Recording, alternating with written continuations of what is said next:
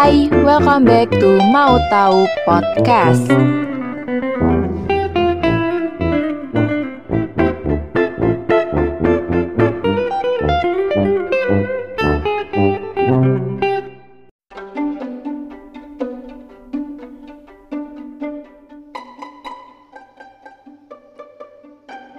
Hai teman, selamat datang di Mau Tahu Podcast episode kedua with Jesslyn. Kalau di episode 1 kemarin kita udah ngomongin tentang negara Inggris, sekarang aku mau ajak teman semua terbang ke benua Asia, tepatnya ke negara Korea. Dan kalau kita ngomongin soal negara Korea, kalian suka penasaran gak sih? Kok negara Korea bisa terpecah menjadi dua? Ada Korea Utara dan ada juga Korea Selatan. Terus nih ya, masing-masing negaranya itu punya pemimpin, ideologi, dan budaya yang kalau kita lihat nih, itu jauh berbeda banget. Hmm, dan sekarang yang jadi pertanyaannya adalah, kenapa ya Korea Utara dan Korea Selatan bisa bermusuhan?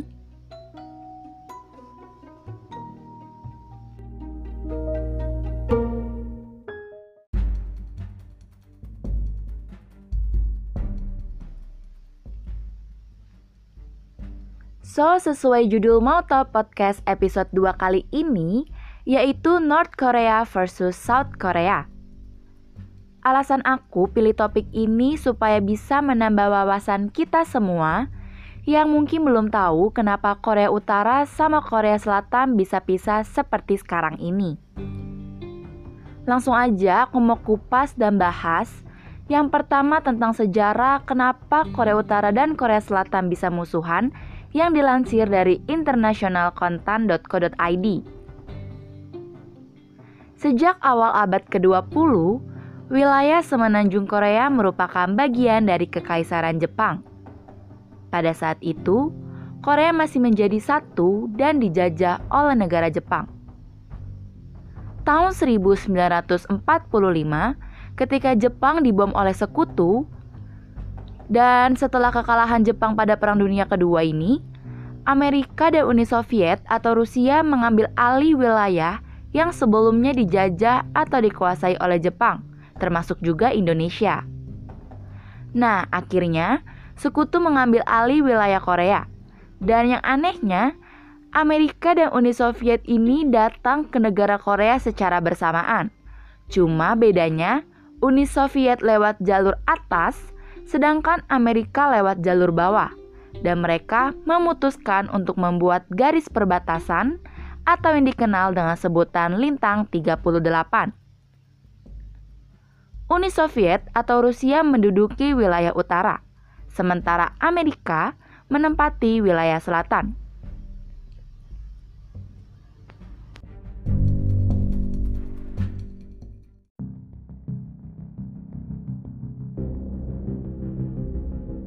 Dua negara baru telah terbentuk di semenanjung Korea. Di bagian selatan, diktator anti-komunis Simon Rhee mendapatkan dukungan dari Amerika Serikat. Sementara di utara, diktator komunis Kim Il-sung mendapatkan dukungan dari Uni Soviet atau Rusia. Pada tanggal 15 Agustus 1945, Korea Selatan mendeklarasikan bahwa mereka telah merdeka. Hal tersebut juga menjadi salah satu pemicu perang dingin antara utara dan selatan. Karena Korea Utara tuh bingung, lah kok tiba-tiba Korea Selatan udah menyatakan merdeka aja nih? Dan dilansir dari history.com, perang Korea Utara dan Korea Selatan itu dimulai pada tanggal 25 Juni 1950. Pada waktu itu, 75.000 tentara Korea Utara melintasi lintang 38 yaitu batas antara Korea Utara dan Korea Selatan. Invasi ini adalah aksi militer pertama.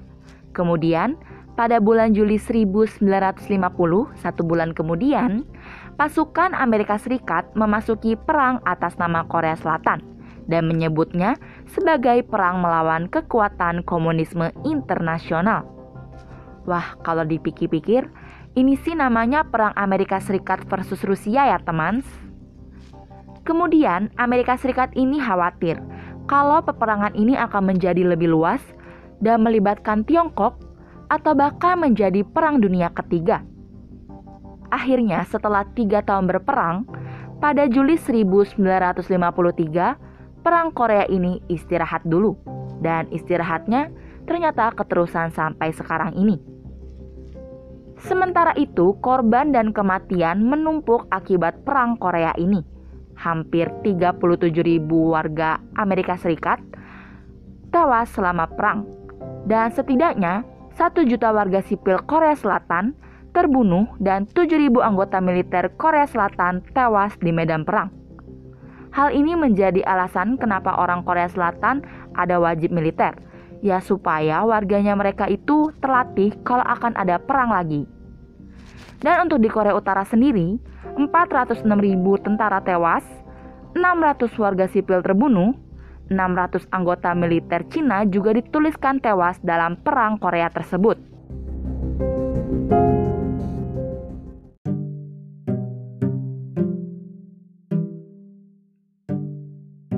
Oke teman, itu tadi sejarah atau alasan kenapa Korea Utara dan Korea Selatan bisa terpecah dan bermusuhan sampai sekarang ini.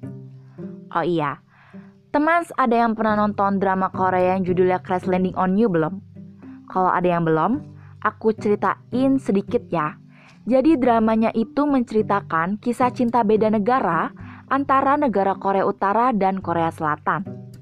Terus tuh ya, di drama itu kita bisa dengan jelas melihat perbedaan kehidupan di Korea Utara dan di Korea Selatan.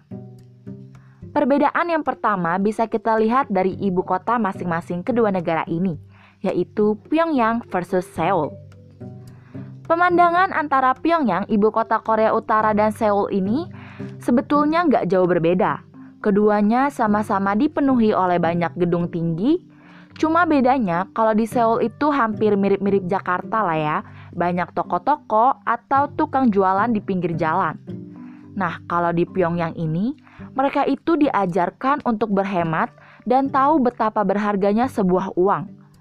Jadi, perbedaannya ada di pusat wilayah bisnis antara keduanya. Berikutnya adalah perbedaan tempat tinggal. Di Korea Selatan, warganya biasa tinggal di apartemen yang harga sewanya bisa mencapai 2 miliar rupiah per unitnya. Sedangkan di Korea Utara, mereka nggak perlu membayar biaya sewa apartemen apabila mereka sudah terdaftar dan memiliki status menikah. Wah, enak banget ya teman. Kita nggak perlu bayar sewa apartemen kalau hidup di Korea Utara. Gimana nih teman? Ada yang berniat pindah ke Korea Utara habis ini?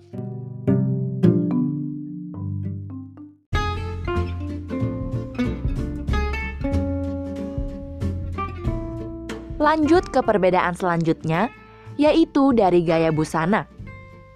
Modernisasi dan westernisasi di Korea Selatan gak hanya terdapat pada industri musiknya aja loh. Dalam model berpakaian, Korea Selatan cukup modis dan sangat mengikuti trendy.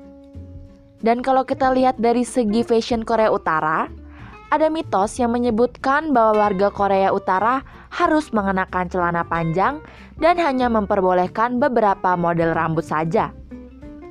Perbedaan yang keempat adalah jalanan kotanya. Di Korea Utara itu hampir nggak ada lampu lalu lintas untuk mengatur aktivitas jalanan. Meskipun mungkin terdapat beberapa lampu lalu lintas, namun, banyak yang telah diganti oleh polisi yang bertugas untuk mengendalikan lalu lintas.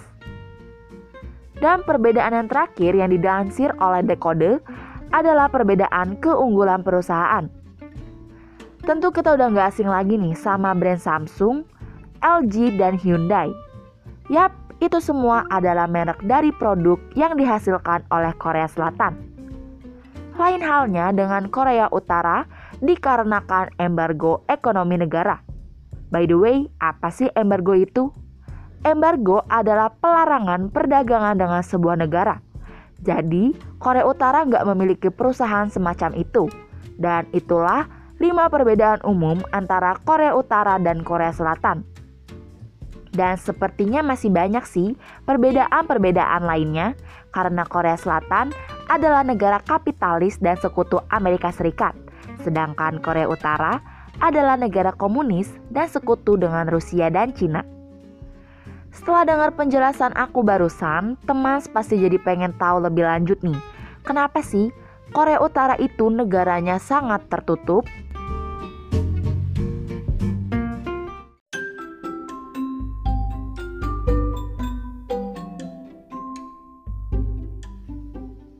Alasan yang pertama adalah karena pengaruh Cina yang kuat. Para sejarawan percaya jika awal mula kenapa Korea Utara menjadi negara tertutup dimulai sejak abad ke-14, tepatnya ketika masa kepemimpinan dinasti Joseon saat itu. Pengaruh Cina sangatlah kuat, bahkan menguasai kebudayaan hingga politik, terutama di kawasan semenanjung Korea. Salah satu budaya yang Cina anut yakni isolasionisme dan menarik diri dari perdagangan serta perjalanan luar negeri. Para sejarawan juga meyakini bahwa budaya tersebut merupakan produk sampingan dari filsafat yang semakin populer dan dikenal dengan sebutan neo-konfusionisme.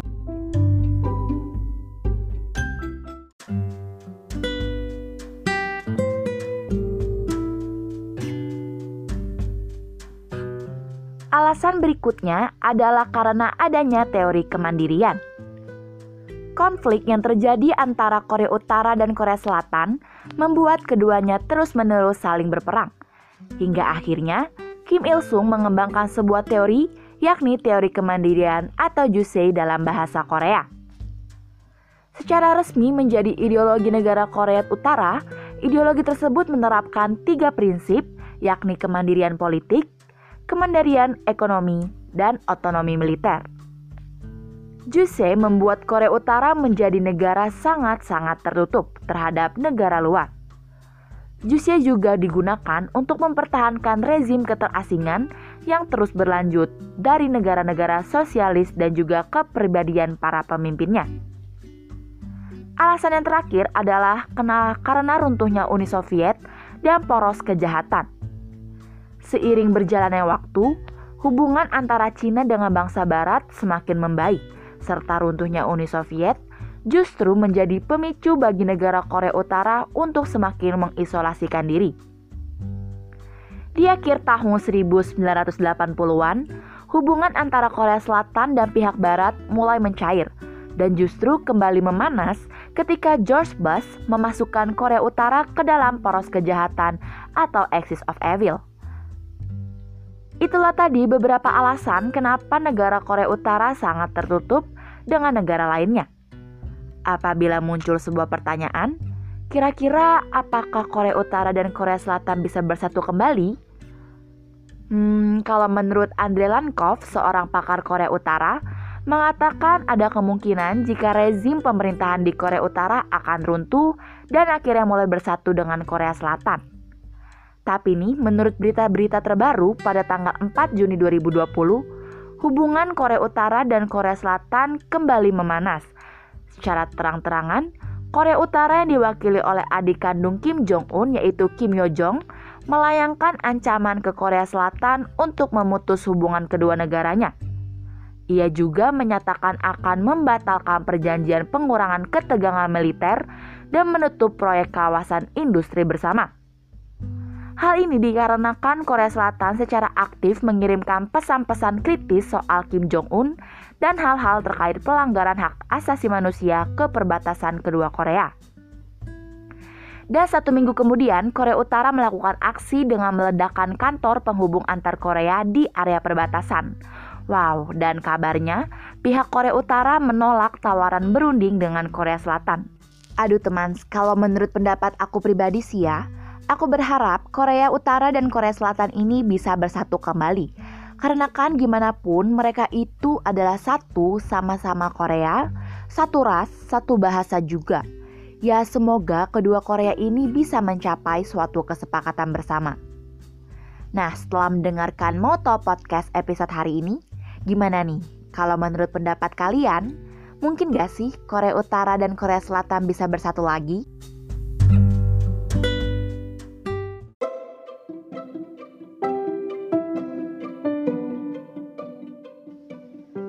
Enough for today. Terima kasih buat teman yang udah mau mendengarkan Moto Podcast episode North Korea versus South Korea. Jangan lupa follow Moto Podcast dan kalian boleh share ke teman-teman kalian. So see you on another episode and keep reading and research about history because we are not the makers of history, but we are made by history. Goodbye.